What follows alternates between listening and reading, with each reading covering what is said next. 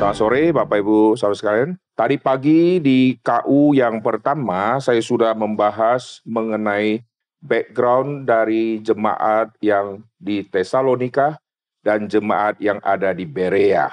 Lalu di KU yang kedua kita sudah membahas jemaat yang Paulus dapat dengan perjuangan yang berat yaitu jemaat di Tesalonika, bagaimana Paulus melayani mereka, Paulus yang menjadi ibu dari mereka dan bapa bagi mereka. Dan kita sudah bahas semua ini.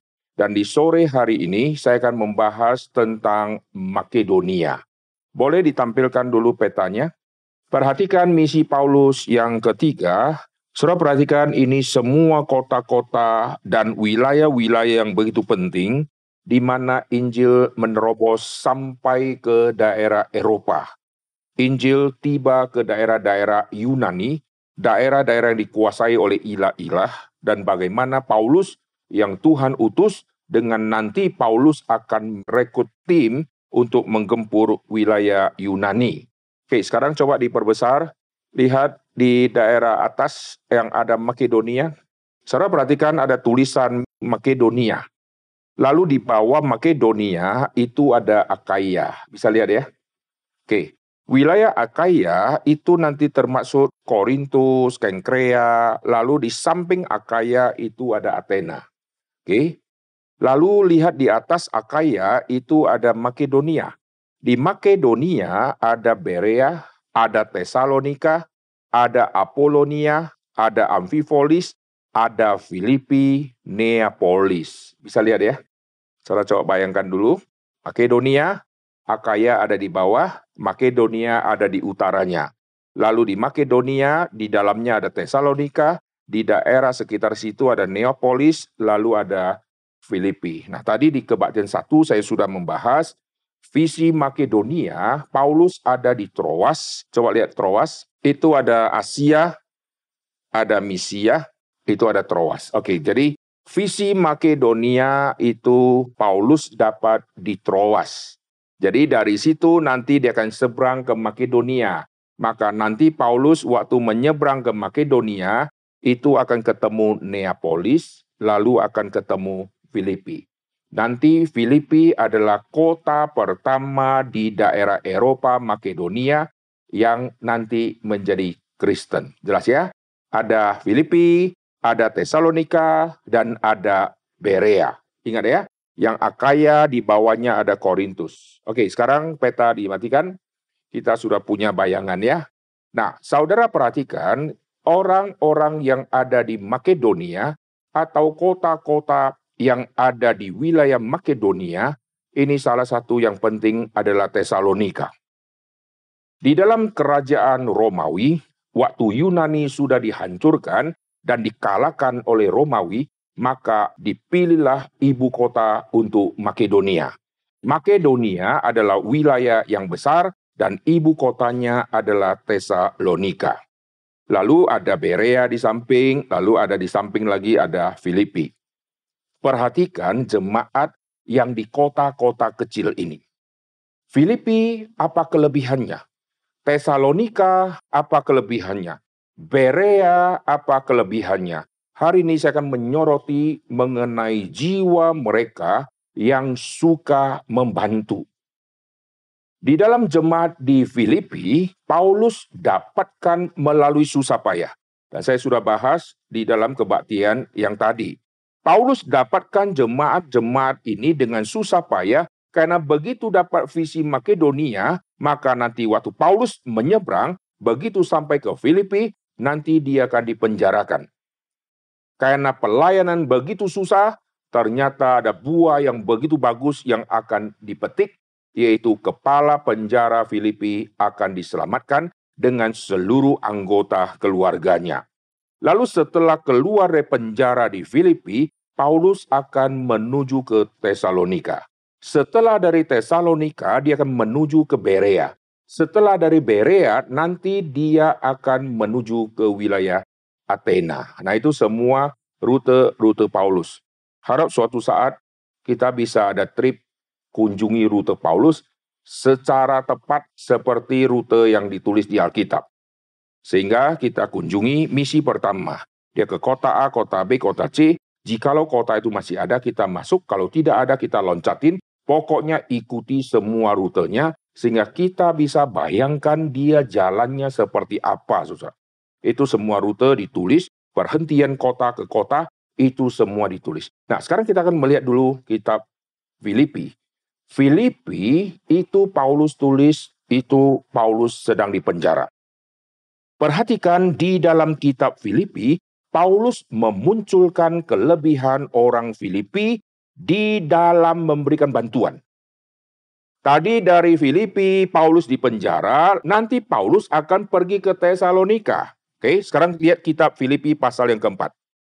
Filipi pasal keempat, ternyata jemaat Filipi mempunyai kelebihan, yaitu memperhatikan pelayanan dari Paulus.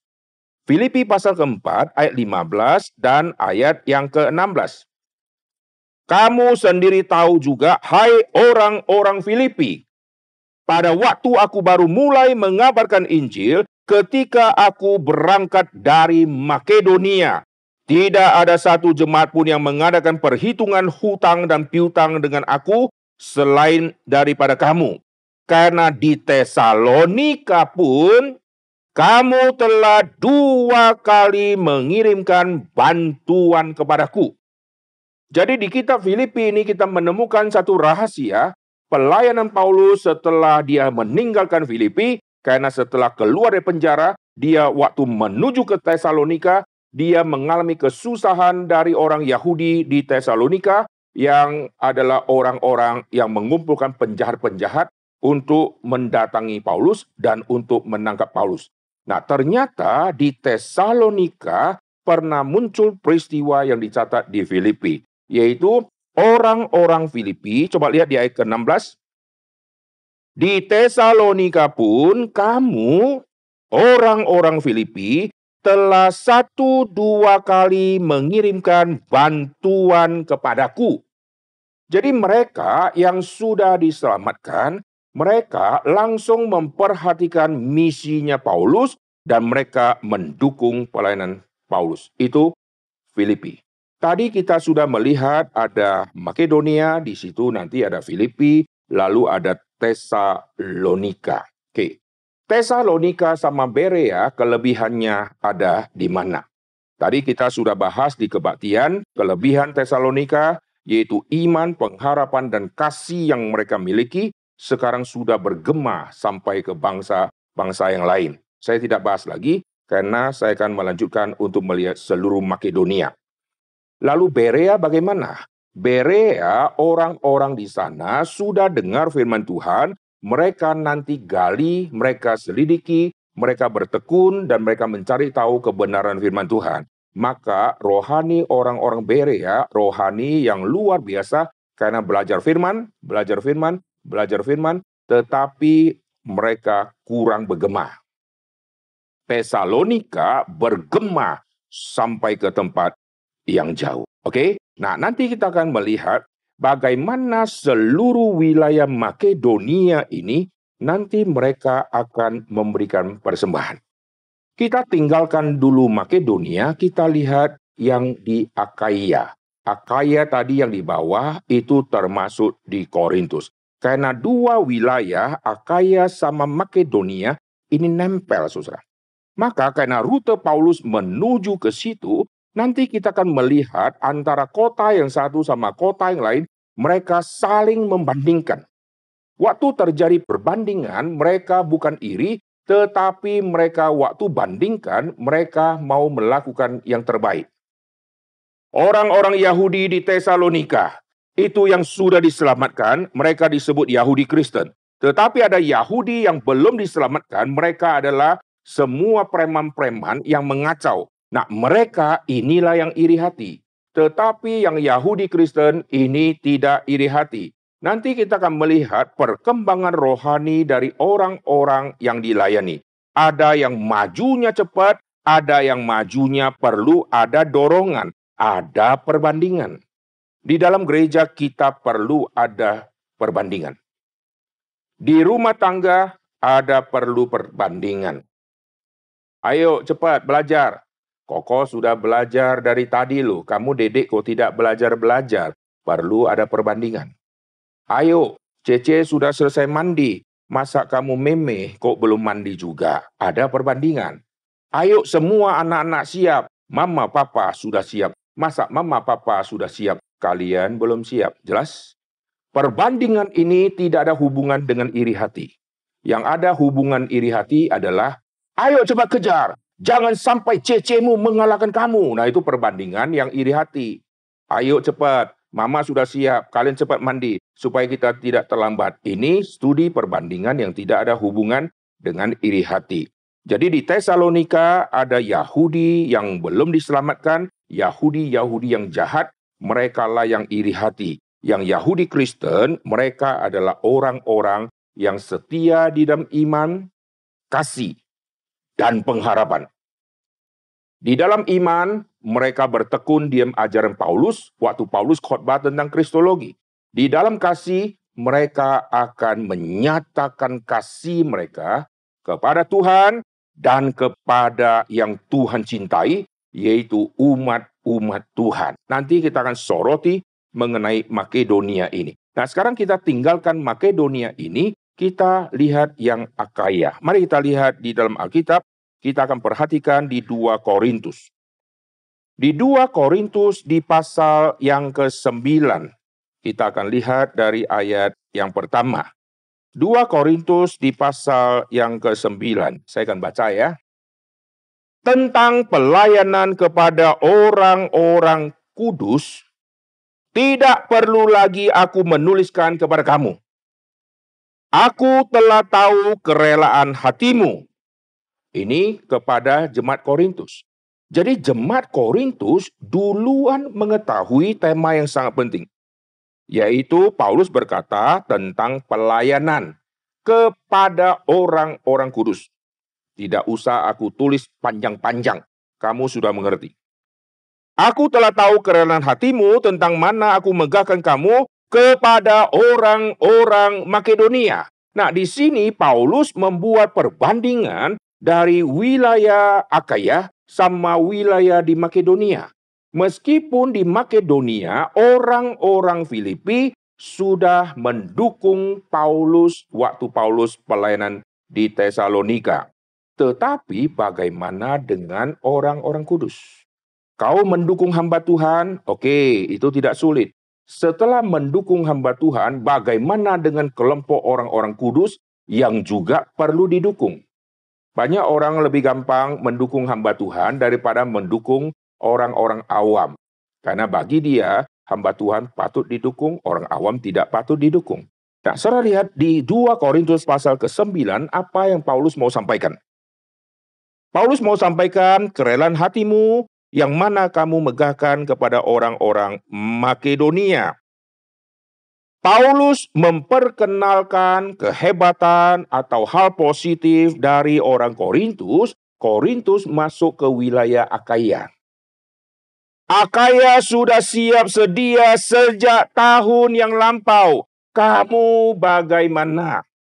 Nah, ini dorongan ya. Jikalau kamu adalah buah penginjilan dari saya, Mengapakah ada kelompok yang juga buah penginjilan dari saya? Mereka sudah mempersiapkan jauh-jauh hari. Kamu bagaimana? Kamu sudah terima anugerah keselamatan? Lalu bagaimana sikap hatimu di dalam hal engkau memberi?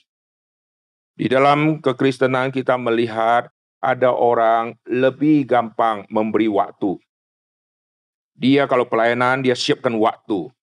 Tapi kalau sudah bicara dana, dia pelitnya luar biasa. Ada yang lebih gampang siapkan dana, tidak mau siapkan waktu.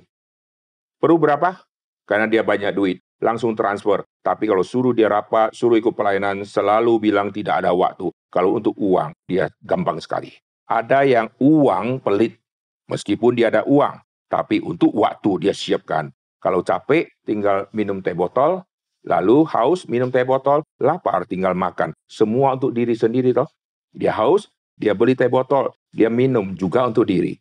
Dia sudah pelayanan, dia lapar luar biasa, dia beli makan, dia kenyangkan diri sendiri. Maka banyak orang yang lebih suka dia kasih waktu, kasih energi, toh nanti makan juga untuk diri sendiri. Tapi kalau sudah pelayanan, energi sudah habis, uang yang ada untuk diri makan sekarang harus dipotong karena sebagian harus dipakai untuk persembahan. Untuk mendukung orang-orang di dalam kesulitan. Maka ini yang menjadi dilema, saudara. Oh orang-orang Makedonia, kamu harus tahu, orang-orang Akaya, mereka sudah mengerti. Dan aku tidak perlu lagi jelaskan panjang lebar tentang diakonia, mereka sudah siapkan di dalam waktu satu tahun yang lampau. Nah, sekarang kita akan telusuri kapan saatnya nanti mereka mulai memberikan kumpulan dana-dana ini. Mereka nanti setiap saat waktu mereka hidup, mereka nanti kerja, mereka kerja, mereka kerja. Orang Yahudi biasanya berkumpul di hari Sabat. Waktu mereka berkumpul di hari Sabat karena tradisi Yahudi. Tapi bagaimana dengan Yahudi yang sudah Kristen? Yahudi yang sudah Kristen, mereka menambah satu hari untuk pertemuan mereka. Sekarang saya kasih contoh gini ya. Saya ini Yahudi, saya ini harus ikut hari Sabat. Saya harus masuk ke rumah ibadat untuk beribadah. Tetapi karena saya sudah Yahudi Kristen, maka karena ada satu kata Kristen, ada satu hari yang lain yang beda dengan hari ketujuh, di situlah terjadi kumpulan orang percaya. Dan itulah hari yang pertama. Dan Paulus menetapkan di dalam perkumpulan orang Kristen di hari pertama, mereka harus sisihkan persembahan untuk bantuan kepada orang-orang miskin. Jadi ada jemaat yang sudah dengar, mereka jalankan. Ada yang sudah dengar tetapi lambat dijalankan. Nah, Paulus ingin mengatakan bahwa Akaya mereka sudah jalankan, mereka sudah kumpulkan di dalam satu tahun yang lampau itu. Berarti setiap hari pertama minggu itu mereka sudah sisihkan sebagian dari yang mereka dapat, lalu mereka kumpulkan untuk bantuan kepada orang-orang kudus. Bayangkan, jikalau satu hari hari pertama, satu hari, hari minggu, lalu terkumpul sekian puluh ribu misalnya kalau pakai rupiah. Lalu dikalikan 52, maka jumlahnya akan banyak. Kalau jumlah setiap minggu jumlahnya naik turun, kadang-kadang tinggi, kadang-kadang rendah, maka setelah satu tahun hasil pengumpulan sudah lumayan banyak. Nah ini yang Paulus lihat apa yang terjadi di Akaya maka dia sudah share kepada yang Makedonia. Bagaimana dengan kamu? Itu konteksnya, saudara ya. Sekarang kita kembali ke pasal yang ke-9 tadi. Perhatikan di pasal yang ke-9 tadi di 2 Korintus. Di 2 Korintus pasal yang ke-9 ayat yang ke-2. Akaya sudah siap sedia sejak tahun yang lampau dan kegiatanmu telah menjadi perangsang bagi banyak orang. Saudara perhatikan, ini kata pengganti untuk siapa? Kita telusuri ya, supaya kita tidak salah. Tentang pelayanan kepada orang-orang kudus. Tidak perlu lagi aku menuliskannya kepada kamu. Kamu ini siapa? Korintus, oke? Okay? Nah, lanjut. Aku telah tahu kerelaan hatimu. Siapa? Hmm? Masih Korintus. Tentang mana aku megahkan kamu. Masih tentang Korintus.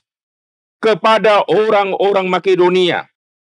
Kataku, Akaya, itu wilayah yang besar, di dalamnya termasuk Korintus tadi. Akaya sudah siap sedia sejak tahun yang lampau. Paulus katakan ini kepada siapa? Makedonia. Jadi dia siarkan kepada Makedonia. Lalu titik. Kalimat ini sudah selesai, dia titik dan kegiatanmu. Mu ini siapa? Korintus telah menjadi perangsang bagi banyak orang. Nah, ini kelebihan yang luar biasa. Di Tesalonika, tadi saya sudah bahas ada kelebihan. Iman, pengharapan, dan kasih mereka sekarang sudah menjadi heboh. menjadi terkenal di seluruh Makedonia, di seluruh Akaya, bahkan sampai ke bangsa-bangsa. Jadi sudah bergema sampai ke bangsa-bangsa. Lalu yang Akaya bergema juga. Apa yang bergema? Yaitu pelayanan kasih mereka sekarang sudah bergema. Mari kita lihat ya. Bergemanya sekaligus menjadi perangsang bagi banyak orang. Wah, ini tema yang sangat penting dan ini hanya muncul di dalam konteks cerita Akaya dikaitkan dengan Makedonia. Di dalam gereja, kalau kita sudah mendengar ada satu cabang GRII yang sudah mendukung di dalam persembahan, jemaat-jemaat sudah dukung, apakah ini merangsang jemaat yang lain ikut mendukung dari cabang GRI yang lain? Belum tentu. Karena banyak GRI hanya memikirkan dia punya cabang. Kalau cabangku tergerak, mendukung cabangku, saya akan bersyukur luar biasa. Tapi kalau cabangku tergerak dan mereka mendukung cabang lain, eh itu kan cabang lain. Kita cabang sendiri membutuhkan dana yang begitu banyak. Akhirnya cabang-cabang yang lain kalau perlu kebutuhan, biar mereka doa sendiri. Cabang kita, doa sendiri untuk cabang kita. Akhirnya kurang memberikan rangsangan untuk orang-orang lain di cabang-cabang yang lain. Kita kelemahan GRI seperti ini. Tetapi Pak Tong ingin merombak. Maka Pak Tong yang membuat rangsangan ini. Pernah di dalam uh, sidang sinode ada cabang tertentu yang membutuhkan dana, lalu Pak Tong mengumumkan. Ayo, semua cabang-cabang, kalian sudah dengar kesulitan ada satu cabang, karena cabang ini ada di luar negeri, lalu dia perlu uang. Ayo, cabang mana yang tergerak untuk meminjamkan dengan tidak ada bunga? Supaya apa? supaya mereka mempunyai pikiran kami punya cabang sendiri juga punya masalah dan perlu dana. Tapi ada cabang lain. Sekarang kita punya dana. Kita sekarang masih pakai enggak? Kalau kita ada dana, kenapa kita tidak bantu yang lebih membutuhkan? Akhirnya satu persatu sahabat. Saya, saya di dalam pembangunan gereja, Pak Tong sudah menjadi teladan. Maka waktu dia pimpin janji iman, untuk apa? Untuk merangsang semua orang-orang ikut memperhatikan. Karena Pak Tong bukan di cabang A yang akan membangun, tapi hatinya memperhatikan cabang A itu. Maka setiap kali dia datang, dia berkata dari GR pusat kasih begini, STEMI kasih begini. Untuk apa? Untuk merangsang, lihat, STEMI sama gereja sini tidak ada hubungan. Lu mau bangun ya bangunlah. STEMI juga perlu dana, betul nggak? GR pusat juga perlu dana yang begitu banyak. Tetapi Pak Tong lain. Pak Tong merangsang. Maka Pak Tong umumkan sekian-sekian, lalu dia kasih kesempatan untuk semua memberikan janji iman, dan dia juga open untuk geri-geri lain. Paulus mengatakan Akaya sudah. Dan Akaya punya kegiatan yang sudah ini menjadi perangsang. Nah, nanti kita akan melihat betulkah Makedonia yang sudah dengar bahwa Akaya sudah begitu luar biasa mempersiapkan mereka hanya dengar lalu berdoa Tuhan menyertaimu. Atau mereka akhirnya mengikuti karena meneladani semua yang baik dari Akaya. Kita bisa banyak belajar dari cabang-cabang. Tapi nyatanya banyak yang kita tidak belajar. Karena masing-masing berkata, itu kan cabang dia. Cabangku lain, cabangku lain. Dia perlu, saya juga perlu. Dia butuh, saya juga butuh. Dia perlu hamba Tuhan, saya juga perlu hamba Tuhan. Dia perlu jemaat banyak, saya juga perlu jemaat banyak. Itu kan dia. Biar dia bergumul sendiri, saya bergumul sendiri. Kapankah hamba Tuhan di Geri B punya hati di Geri A? Caranya gampang.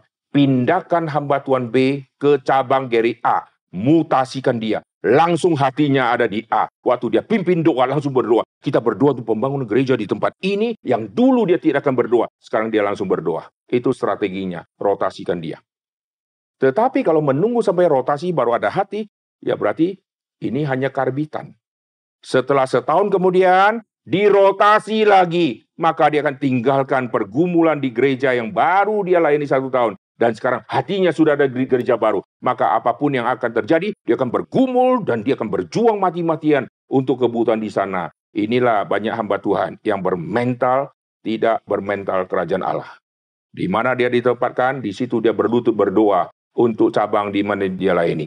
Setelah dia pindah, nama-nama orang yang pernah dia layani, tidak pernah lagi dia sebut di dalam doa. Karena bagi dia, sudah selesai perhatianku. Ini bahaya ya. Pak Tong memperhatikan semua, semua cabang-cabang dia perhatikan. Untuk apa? Sebagai perangsang. Kenapa cabang yang lain? Kenapa tidak berjiwa seperti itu? Oke, sekarang kita kembali ke 2 Korintus pasal yang ke-9. Nanti kita melihat pengaruh Akaya mempengaruhi Makedonia. Ayat yang ketiga, aku mengutus saudara-saudara itu agar kemegahan kami dalam hal ini atas kamu jangan ternyata menjadi sia-sia. Tetapi supaya kamu benar-benar siap sedia seperti yang telah kukatakan. Supaya apabila orang-orang Makedonia datang bersama-sama dengan aku, jangan mereka mendapati kamu belum siap sedia sehingga kami untuk tidak mengatakan kamu merasa malu dan seterusnya. Jadi kamu sudah siap? Ingat siap terus ya. Semua dana-dana siap ya. Nanti saya akan kumpulkan semua ini. Perhatikan, Paulus Tuhan pakai karena dia banyak keliling, dia sendiri mendapatkan bagian dari orang yang perhatikan dia. Tetapi dia punya jiwa bukan dia cek semua. Di dalam pelayanan, kadang-kadang kita hamba Tuhan, kita yang ada di misi mesti hati-hati orang yang mendukung kita pribadi atau dia mendukung seluruh totalitas tim mesti dibedakan. Kalau dia mendukung pribadi, berarti pribadi. Orang-orang Filipi sudah memberikan kepadaku satu dua kali bantuan waktu aku di Tesalonika. Clear, memberikan kepada aku. Tetapi Paulus juga sedang mengkumpulkan dana untuk orang-orang kudus yang ada di Yerusalem. Maka kalau ada orang memberikan persembahan, harus clear. Ini kalau untuk orang-orang kudus di Yerusalem, engkau tidak boleh anggap itu untukmu. Karena engkau berkata, aku juga bagian dari Yerusalem, maka aku pakai dulu. Tidak bisa, saudara. Ini namanya kita harus membagi postingan. Yang satu sudah berkata, ini untuk engkau. Itulah jemaat di Filipi. Waktu Paulus ada di Tesalonika. Tetapi sekarang dia ada di kota-kota, dia sedang menggalang dana untuk membantu orang-orang yang kesusahan, orang-orang sedang kemiskinan di Yerusalem. Dan ini konteksnya ya. Sekarang kita lanjut.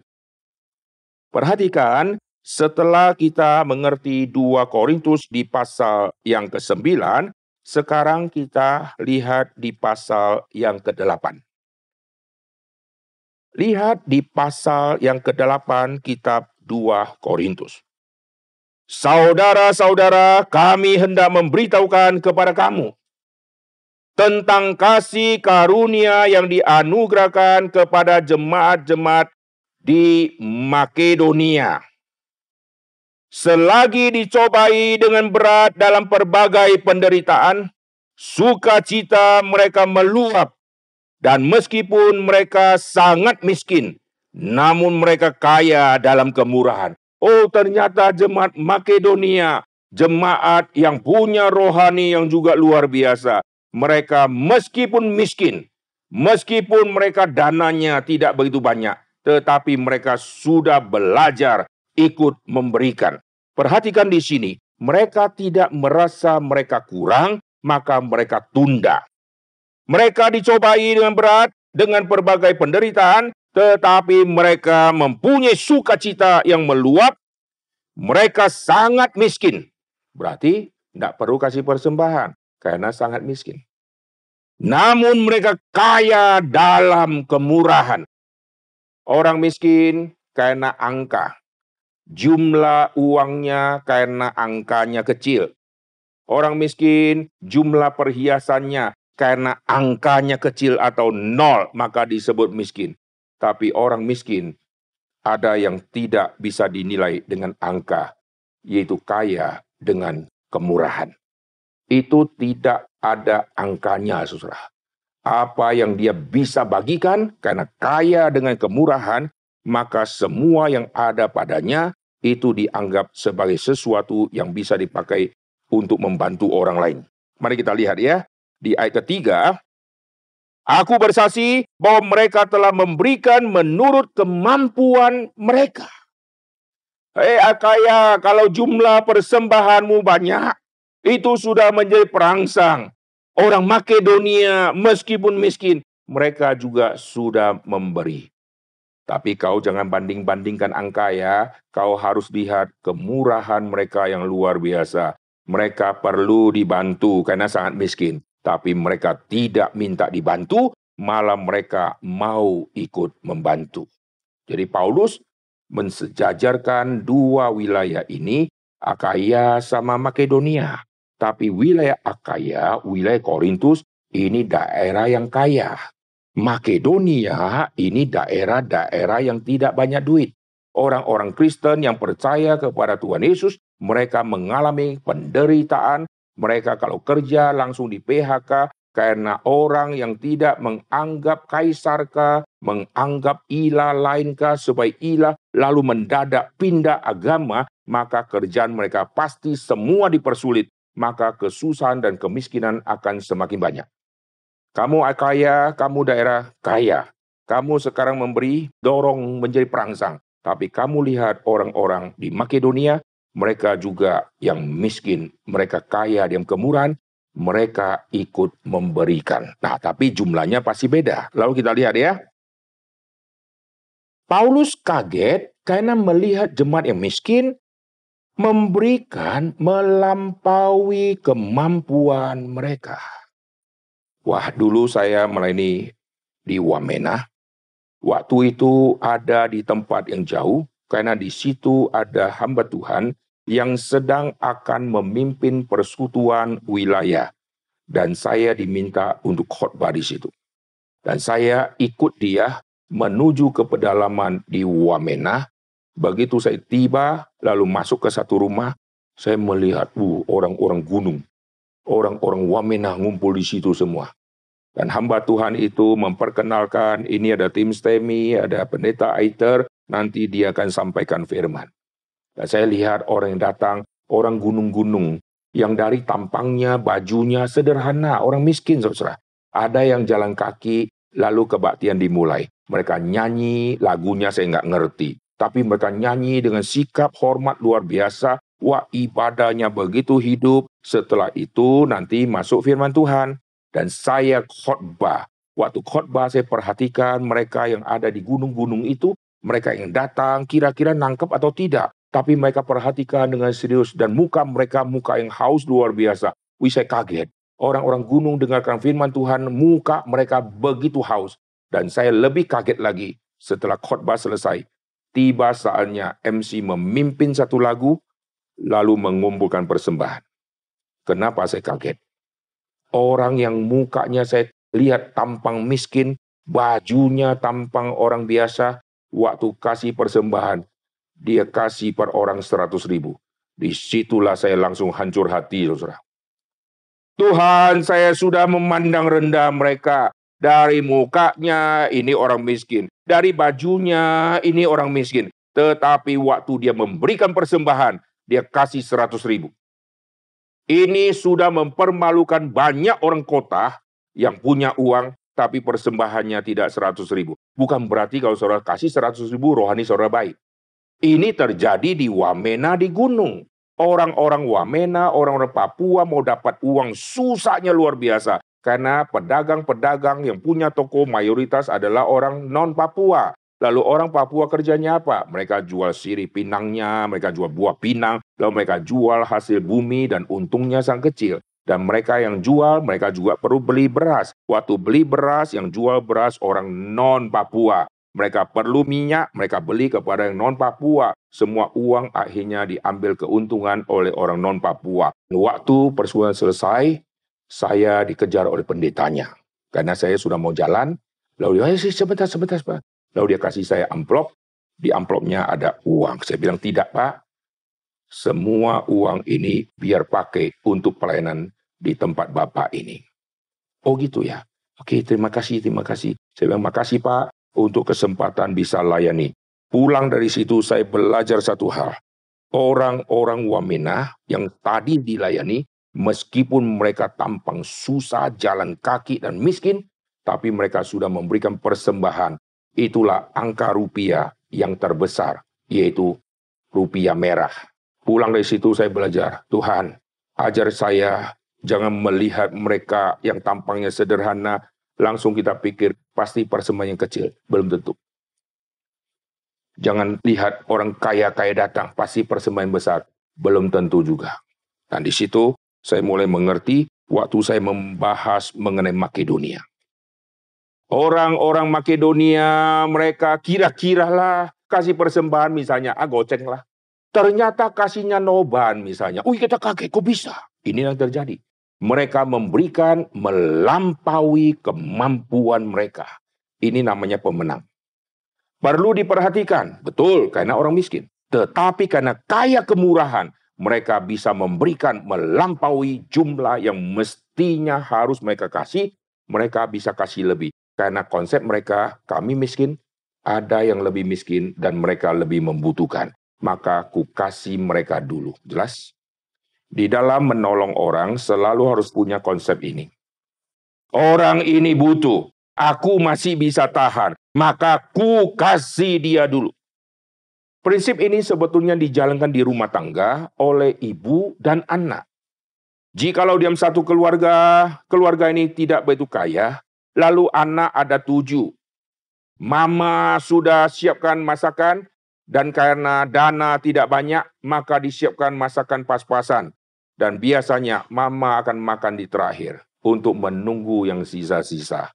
Anak yang tidak tahu diri, yang pertama makan, langsung habiskan yang banyak. Anak kedua juga tidak tahu diri, habiskan. Nanti anak keempat sudah sisa kuah-kuah dan sayur sudah tidak ada. Lalu anak yang terakhir makan nasi putih sama sedikit kuah. Lalu mama makan dengan apa?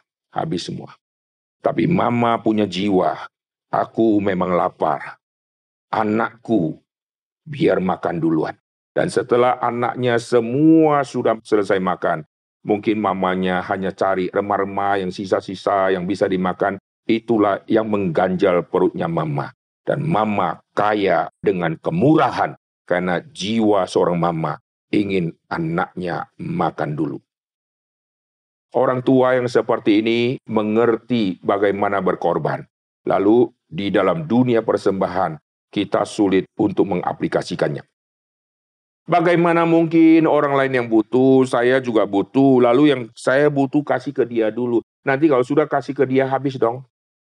Tetapi mama yang melakukan hal tadi, apakah mama akhirnya mati? Tidak, saudara. Banyak orang-orang dari kampung-kampung, anaknya bisa S2. Anak yang bisa S2, logika kita, mama papanya pasti kaya. Ternyata mama papa ada di kampung, di rumah gubuk. Mereka makannya sederhana karena setiap kali dapat uang dari hasil panen, dia kirim ke anaknya untuk anaknya studi. Jangan sampai kelak anaknya dipermalukan dan mereka di kampung rela makan nasi sama kacang kedelai yang digoreng kasih garam banyak dan mereka makan. Saya pernah makan seperti itu. Waktu saya masih SMA, saya berkunjung ke rumah petani. Saya lihat makannya nasi putih sama kacang kedelai yang digongseng-gongseng dengan garam yang banyak. Dan saya lihat dia makan, wih lahapnya luar biasa. Dan di situ saya mengerti, Tuhan mereka tidak ada duit, tapi apa yang mereka makan, mereka nikmati luar biasa dan mereka tidak mati kelaparan. Mama yang tadi berkorban, apakah besoknya mama mati? Tidak. Mama bisa besarkan semua anak-anak dengan cara seperti ini. Kadang-kadang di satu kampung ada catering. Mama langganan catering tiga tingkat. Anaknya ada lima. Rencana catering untuk siang sampai malam. Dan anak-anak sudah dipesan. Satu anak, satu ayam. Lalu ayah dan ibu juga dapat bagian. Tapi waktu mama melihat anak makan kok kayaknya kurang, maka yang mama dia serahkan ke anak. Lalu ada anak yang lain juga makan lahap, yang punya papa. Papa bilang makan saja punya papa. Lalu papa makan apa? Nanti papa makan yang sisa-sisa. Itu yang terjadi, saudara. Akhirnya papa dan mama mati kelaparan tidak? Tidak, saudara. Coba kalau papa dan mama pikirnya terbalik. Saya juga perlu makan. Saya kepala keluarga. Kalau saya sakit, kamu mati semua. Nggak ada yang kerja. Kalau saya sakit, tidak masuk kantor, uang gaji dipotong, kamu sengsara. Maka saya harusnya makan satu plus punyamu. Kalau kamu sakit tidak masalah, tapi kalau papa sakit, resiko besar. Maka papa lah punya anak semua. Itu logikanya masuk untuk papa supaya sehat. Tetapi papa mama tidak kerjakan hal itu. Papa yang makan kurang, mama yang makan kurang, mama masih bisa cuci baju dengan sisa energi yang dia miliki dan makanannya hanya sederhana. Tetapi mama ini tidak mati dan semua anak bisa dibesarkan dan ada yang sampai universitas. Di dalam keluarga kita mengerti hal seperti itu. Kenapa di dalam pelayanan kita tidak bisa mengerti hal itu? Emangnya yang kupunya di dalam kesusahan aku masih ada, sekarang aku kasih dulu yang butuh. Apakah setelah itu saya jadi pengemis? Tidak mungkin, saudara. Kalau kita Tuhan pakai memperhatikan orang lain, Tuhan akan memperhatikan setiap kita. Nah, orang-orang di Makedonia perlu diperhatikan, tapi mereka memberi melampaui kemampuan mereka. Berarti mereka punya simpanan yang masih ada tersisa mungkin untuk dua tiga hari ke depan sekarang sudah dipakai duluan. Tapi lihat seluruh Alkitab apakah dicatat setelah pemberian dikumpulkan seminggu kemudian orang Makedonia mengemis di rumah ibadat. Ada? Tidak pernah ada, saudara. Tuhan pelihara mereka. Oke, kita lanjut ya. Perhatikan kembali di 2 Korintus di pasal yang ke-8. Mereka memberikan melampaui kemampuan mereka di ayat ketiga. Sekarang ayat keempat. Dengan kerelaan sendiri mereka meminta. Waduh, mereka sekarang yang tanda petik ngemis. Wah, kita kalau di sekolah jadi ketua kelas. Lalu mulai kumpulkan yuran. Saya ketua kelas, saya kumpul yuran. Nanti yang mengemis, yang ketua yang kumpulkan yuran, atau yang memberikan yuran yang akan mengemis. Mengemis dalam arti begini ya. Ayolah, cepatlah, kasihlah yuran, cepat-cepat kumpul ya. Aduh saya nggak bisa, besok ya, besok ya. Oke besok, besok ditagi lagi. Ayo tolonglah saya mesti lapor ke guru kelas nih, ayo cepat, cepat, cepat. Ketua kelas yang mengemis-ngemis. Adakah orang yang akan bayar yuran yang mengemis? Pak atau Bu atau teman gitu ya. Kamu kan ketua kelas, tolong dong terima hari ini. Ada? Ayo kasih tahu saya.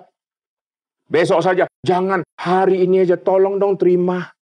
Dengan rela aku kasih hari ini, tolong ya, terima ya. Ini sukacita bagi saya kalau engkau terima. Ada? Yang ada kita sengaja tunda-tunda, betul nggak? Saudara kalau pinjam uang, lalu saatnya bayarnya besok. Saudara tunggu besok pura-pura tidak tahu sehingga jadi rusak. Atau hari ini saudara mohon. Hari ini saya mau bayar. Meskipun besok jatuh tempo. Tolong terima ya hari ini. Ada? Saudara pikir ngapain gua bayar hari ini? Kalau bisa besok, oh besok aja. Kalau dia bisa lupa, mumpung lupa bulan depan saja.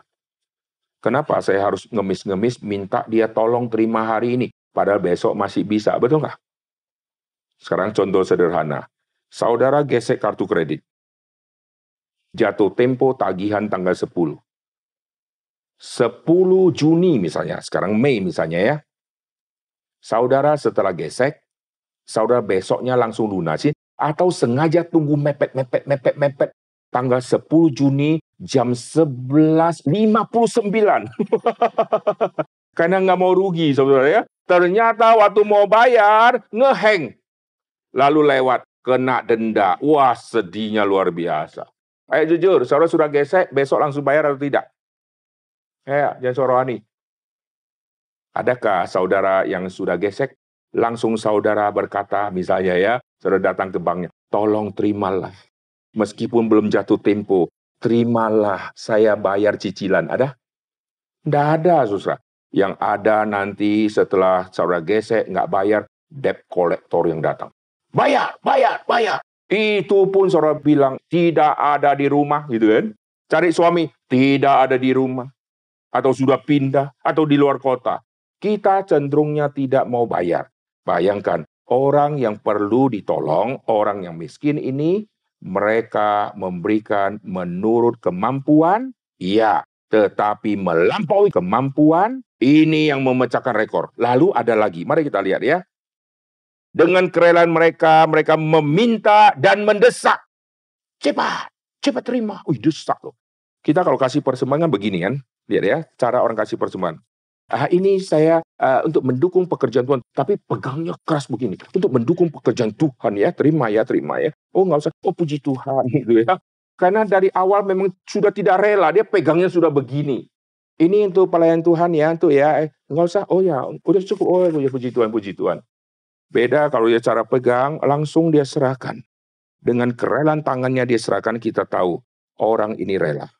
Yang tidak rela, dia akan pegang keras, saudara Dulu di kampung-kampung ada acara, lalu kita ada persembahan, dan persembahan itu waktu diedarkan, setelah diedarkan ada yang minta uang kembalian. Wah, seru belum pernah ya. Habis dijalankan, kembalinya belum. Loh, emang lu mau kasih berapa? Misalnya ya, dia mau kasih 2000, dia kasih 10.000. Lalu bendahara atau asir atau kolektan harus keluarkan uang, kembalikan dia 8.000. Lucu ya? Pernah terjadi seperti itu, Lalu waktu dicek anak ini apakah pelit, ternyata tidak. Waktu dia berangkat dari rumah, orang tua sudah kasih dia uang untuk persembahan dan untuk ongkos dia pulang. Maka waktu dia kasih persembahan, anak kecil kan polos. Karena uangnya besar, nggak mungkin dia sobek bagi dua toh. Maka logika di otak dia, mama pesen ini untuk persembahan. Sisanya kamu naik angkot pulang. Kalau dia kasih semua kan nggak bisa pulang dia. Dia harus jalan kaki dan itu sudah malam dan ini jauh. Maka dia minta uang kembaliannya. Nah kalau kita tidak mengerti kita bilang ini anak kurang ajar ini ya. Siapa yang ajarin minta kembalian? Karena dia tahu dia perlu uang transport untuk dia pulang. Nah begitu kita tahu ya kita maklumi. Nah saudara perhatikan di dalam jemaat Makedonia mereka meminta, mereka mendesak, terimalah persembahan ini. Lalu keluar satu tema supaya mereka juga beroleh karunia untuk mengambil bagian dalam pelayanan kepada orang-orang kudus. Beroleh kasih karunia. Ini pertama kali muncul di seluruh kitab suci. Menolong orang, ini adalah bagian saya memperoleh kasih karunia ikut menolong orang.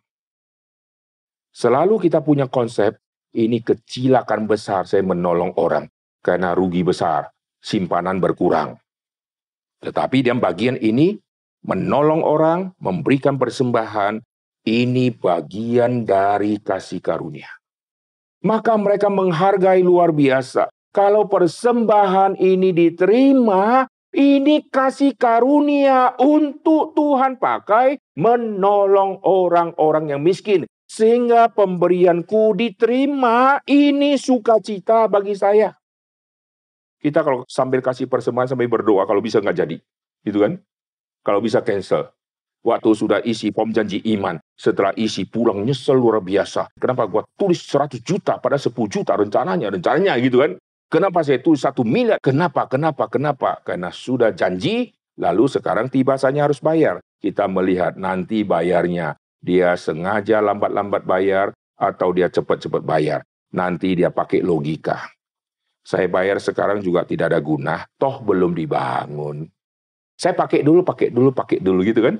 Nanti kalau sudah dibangun, dia pakai alasan lagi. Memang dulu saya janji iman seperti itu karena saya belum krismon. Sekarang saya punya toko, sudah tutup. Saya punya anak perlu kuliah. Ya Tuhan mengertilah. Waktu janji, lagi ada duit. Sekarang dia tunda, tunda, tunda, tunda sampai bertahun. Waktu mau bayar, dia sudah kesulitan dana. Lalu yang dia pilih adalah saya kesulitan dana, maka Tuhan mengerti. Saya kurangi semua janji iman saya. Ini dosa tidak? Hah? Dosa tidak? Dosa. Karena waktu dia janji iman, dia tahu saya bisa bayar. Maka kalau tahu, mesti cepat lunasi. Nanti tiba waktunya suatu saat berapa tahun kemudian dia kesulitan uang, Minimal janji dia di hadapan Tuhan sudah tuntas. Jelas? Lalu kalau sudah tiba waktunya kesusahan, dia berdoa, nanti cari jalan. Kalau Tuhan buka jalan, dia akan dapat jalan. Lalu urusan dia sama Tuhan di dalam janji iman sudah beres. Jangan dia bawa-bawa sampai ke masa dia paceklik. Lalu dia kurang-kurangin, dikurangin lagi bayar STNK, perpanjangan, saya tabrak sepeda motor, kena bengkel 5 juta, dipotong, potong, potong, potong, potong, potong. Lalu untuk Tuhan 100 ribu. Dari yang begitu banyak dipotong-potong habis semua. Nanti uang pembantu sebulan begini dia potong. Uang listrik segini. Uang air kemarin anak-anak waktu buka kelebihan itu tidak ditutup dan dihitung-hitung perkiraan tagihan bulan depan. Sudah dihitung semua. Nanti anak ini lulus akan bayar SPP. Dipotong lagi semua. Hanya Tuhan, uang minus. Apa yang belum terjadi dia sudah potong-potong-potong semua dan dia kurangi semua janji iman yang harusnya dia bayar. Nah ini orang-orang yang tidak tahu diri. Orang-orang Makedonia, dia tahu sekarang aku punya apa, di sana lagi butuh, Tuhan, saya mau memberikan persembahan. Tuhan, tolonglah saya mau memberikan persembahan. Dan persembahan ini akan tiba kepada orang itu melalui Paulus. Orang-orang akan kumpulkan persembahan, entah besar, entah kecil. Pokoknya ini bagianku, tidak usah peduli. Nanti setelah itu gua laparkah, gua apakah. Pokoknya kalau Tuhan gerakkan saya untuk menolong orang lain, sekarang saatnya saya akan memberikan tolong terima. Dan dia minta Paulus dan semua yang itu, terimalah persembahan ini. Karena ini bagian dari kasih karunia.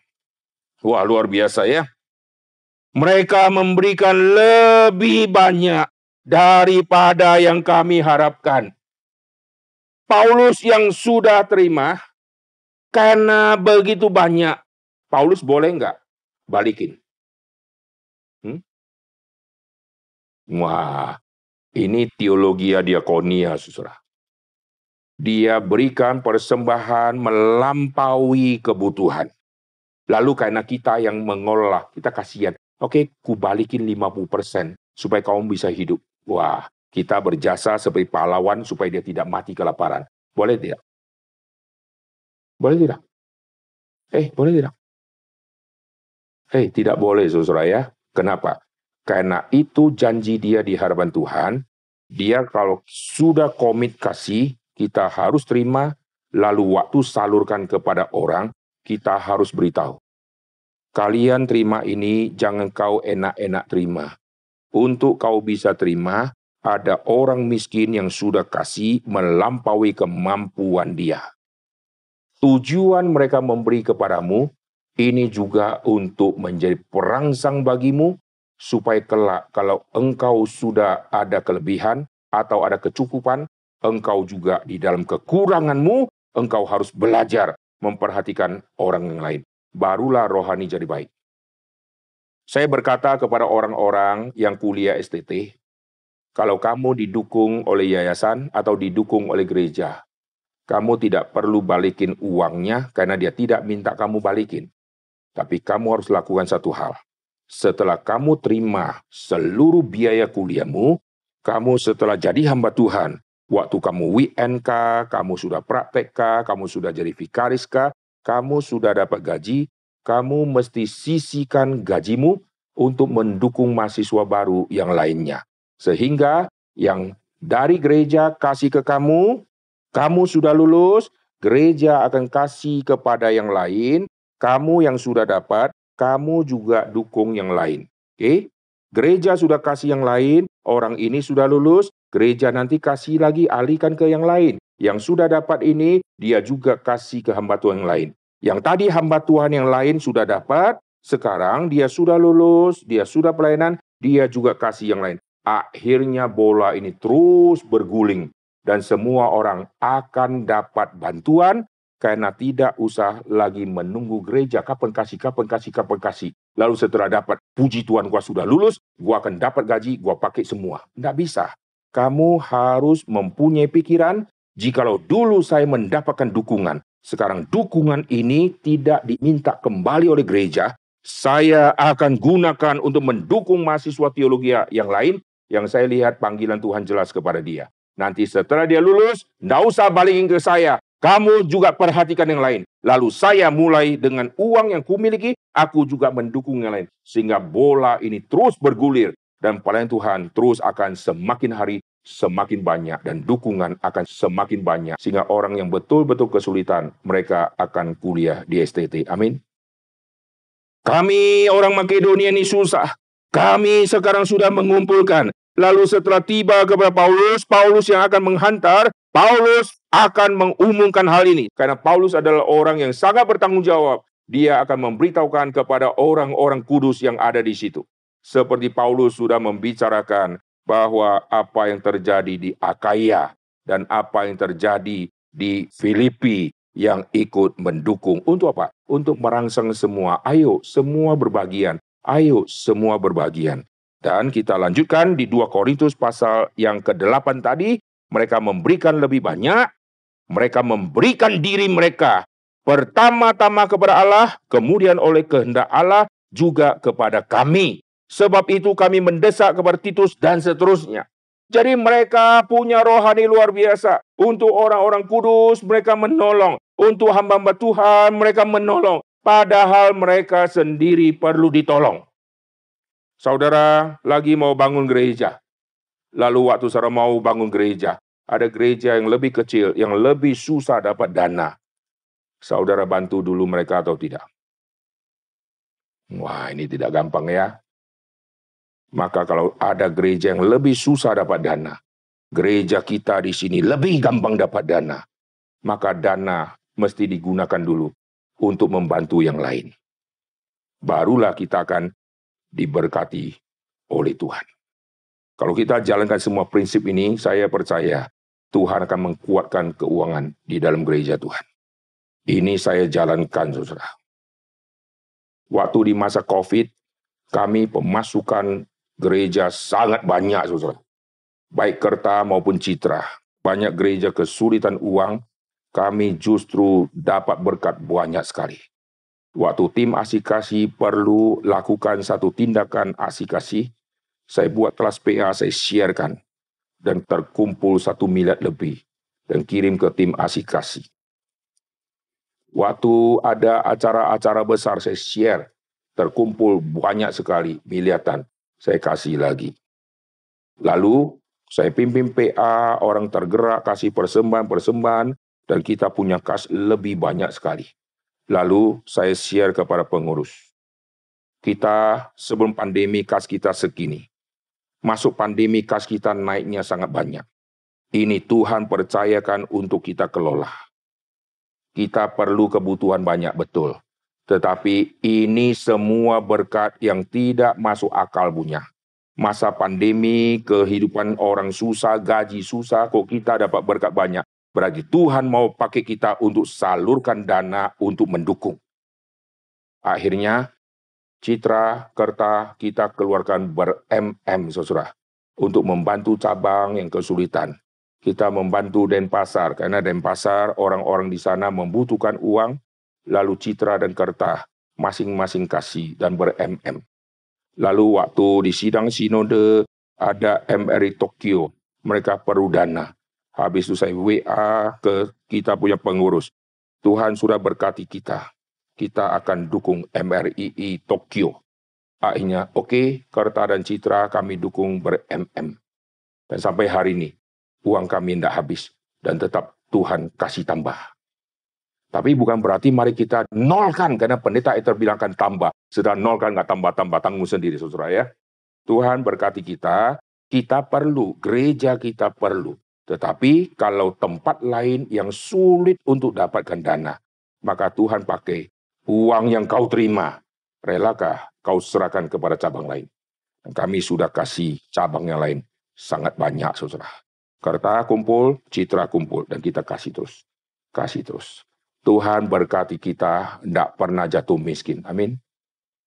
Bandung perlu, tapi Bandung jemaat sangat banyak. Bandung ada orang yang kasih persembahan pasti sangat banyak. Lalu waktu ada satu cabang yang lagi bangun dan kita tahu jemaatnya sedikit, itu tidak mungkin bisa kumpulkan uang. Maka yang ada mesti salurkan dulu. Baru nanti Tuhan akan berkati. Oke, sekarang saya akan simpulkan ya. Dan orang-orang Makedonia Makedonia termasuk daerah Filipi, termasuk daerah Tesalonika, termasuk daerah Berea. Sekarang semua mereka sepakat ikut memberikan maka sekarang dikasih nama yaitu Makedonia. Akaya di dalamnya ada Korintus, di bawahnya itu ada Kengkrea, tapi nanti nama besarnya adalah Akaya. Berarti gabungan dari wilayah-wilayah kecil, orang-orang Yahudi yang sudah Kristen memberikan persembahan, maka pakai nama Akaya. Lalu orang-orang Makedonia, mereka memberikan persembahan. Di Makedonia ada Filipinya, ada Tesalonikanya, ada yang lain-lainnya waktu nanti dikumpulkan disebutnya Makedonia. Nanti kita akan melihat tadi dimulai dari Akaya, sekarang merangsang. Akaya sudah kumpul. Lalu kamu bagaimana? Ternyata nanti Makedonia juga kumpul. Akhirnya sekarang kita akan melihat dua wilayah ini persembahannya sekarang digabung. Kita perhatikan di ayat yang terakhir di kitab Roma. Lihat di sini. Roma pasal yang ke-15. Roma pasal ke-15 dari ayat ke-25. Tetapi sekarang aku sedang dalam perjalanan ke Yerusalem untuk menghantarkan bantuan kepada orang-orang kudus. Uang yang dia ambil, barang yang dia kumpulkan, ini sudah sangat banyak. Banyak tim misi kalau sudah pakai nama misi, uang sudah dikumpulkan. Kadang-kadang banyak yang malingnya. Akhirnya jumlah uang waktu tiba sudah berkurang. Bantuan-bantuan sosial waktu diserahkan ke tangan pertama masih banyak sampai ke yang terakhir itu tidak tahu hilang ke mana-mana. Di satu tempat di NTT waktu saya tiba di situ, lalu hamba Tuhan di sana berkata, Pak, kami di sini waktu lagi kesulitan, bantuan datang berbal-bal baju-baju. Dan sekarang masih sisa berbal-bal. Loh, Kenapa bantuan kok tidak disalurkan? Pak, yang datang berbal-bal-bal-bal begitu banyak, tetapi sekarang sisa berbal-bal. Maksudnya apa? Maksudnya sekarang sisa yang baju baby semua. Lalu apakah orang-orang kasih baju baby? Tidak, Pak. Yang baju dewasa sudah diambil orang duluan. Jadi belum sempat tiba di tempat orang butuh, sudah sampai ke satu lokasi, orang buka dulu. Ambil ini untuk suami saya, untuk anak saya, itu untuk mertua saya. Sudah diambil. Sisa yang baby-baby. Baby-baby mau kirim ke tempat yang sedang kesusahan. Di tempat kesusahan baby-baby bisa hitung dengan jari. Maka kami tidak kirim. Dan sekarang terkumpullah semua baju baby-baby. Mungkin nanti mereka yang menjadi donatur untuk orang yang sedang kesulitan. Dia kirim kembali lagi baju baby-baby. Sampai ke sana tidak ada baby. Disimpan lagi ke sana. Jadi piala bergilir. Ini bahaya ya. Sudah dikasih tapi diambil duluan. Nah, kita lihat di Roma pasal ke-15 ini bagian terakhir. Makedonia Akaya telah mengambil keputusan. Sepakat sekarang. Bukan lagi satu wilayah, satu kota, sekarang adalah gabungan. Makedonia Akaya telah mengambil keputusan untuk menyumbangkan sesuatu kepada orang-orang miskin di antara orang-orang kudus di Yerusalem. Keputusan ini memang telah mereka ambil, tetapi itu adalah kewajiban mereka. Sebab jika bangsa-bangsa lain telah beroleh bagian dalam harta rohani orang Yahudi, maka wajiblah juga bangsa-bangsa lain itu melayani orang Yahudi dengan harta duniawi mereka.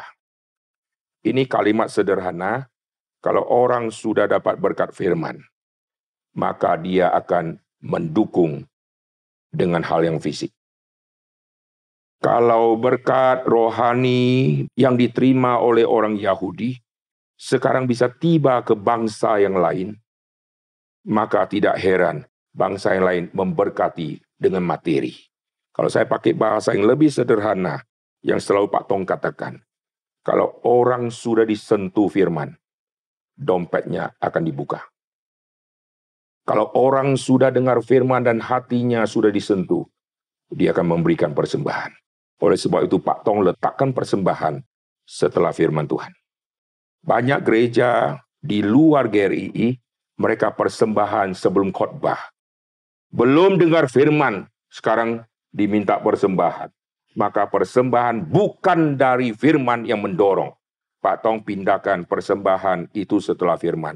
Supaya setelah dengarkan firman, orang tersentuh, orang memberikan persembahan. Kalau sudah dapat berkat rohani, maka materi akan keluar. Inilah yang Paulus mau katakan. Jikalau orang-orang non-Yahudi mendapatkan berkat rohani, Itu kewajiban mereka. Sekarang mereka memberikan berkat fisik untuk mendukung orang-orang Yahudi yang sedang kesulitan. Ayat ke-28, apabila aku sudah menunaikan tugas itu, aku sudah menyerahkan hasil usaha bangsa-bangsa lain itu kepada mereka, aku akan ke Spanyol. Wah, korupsi. Wah, kalau saudara baca, korupsi, gila. Uang misi dipakai tor ke Spanyol. Wah, tidak saudara. Itu adalah misi Paulus menuju ke ujung bumi. Jadi sambil berjalan misi, Paulus melakukan tugas diakonia, mengumpulkan, lalu setelah tugas ini selesai, misi dia harus ke Spanyol. Karena Spanyol di dalam konteks zaman dulu, itulah ujung bumi. Spanyol di zamannya Yunus. Itulah Tarsis. Jadi pelayanan diakonia jangan sampai membuat visi mula-mula jadi kacau.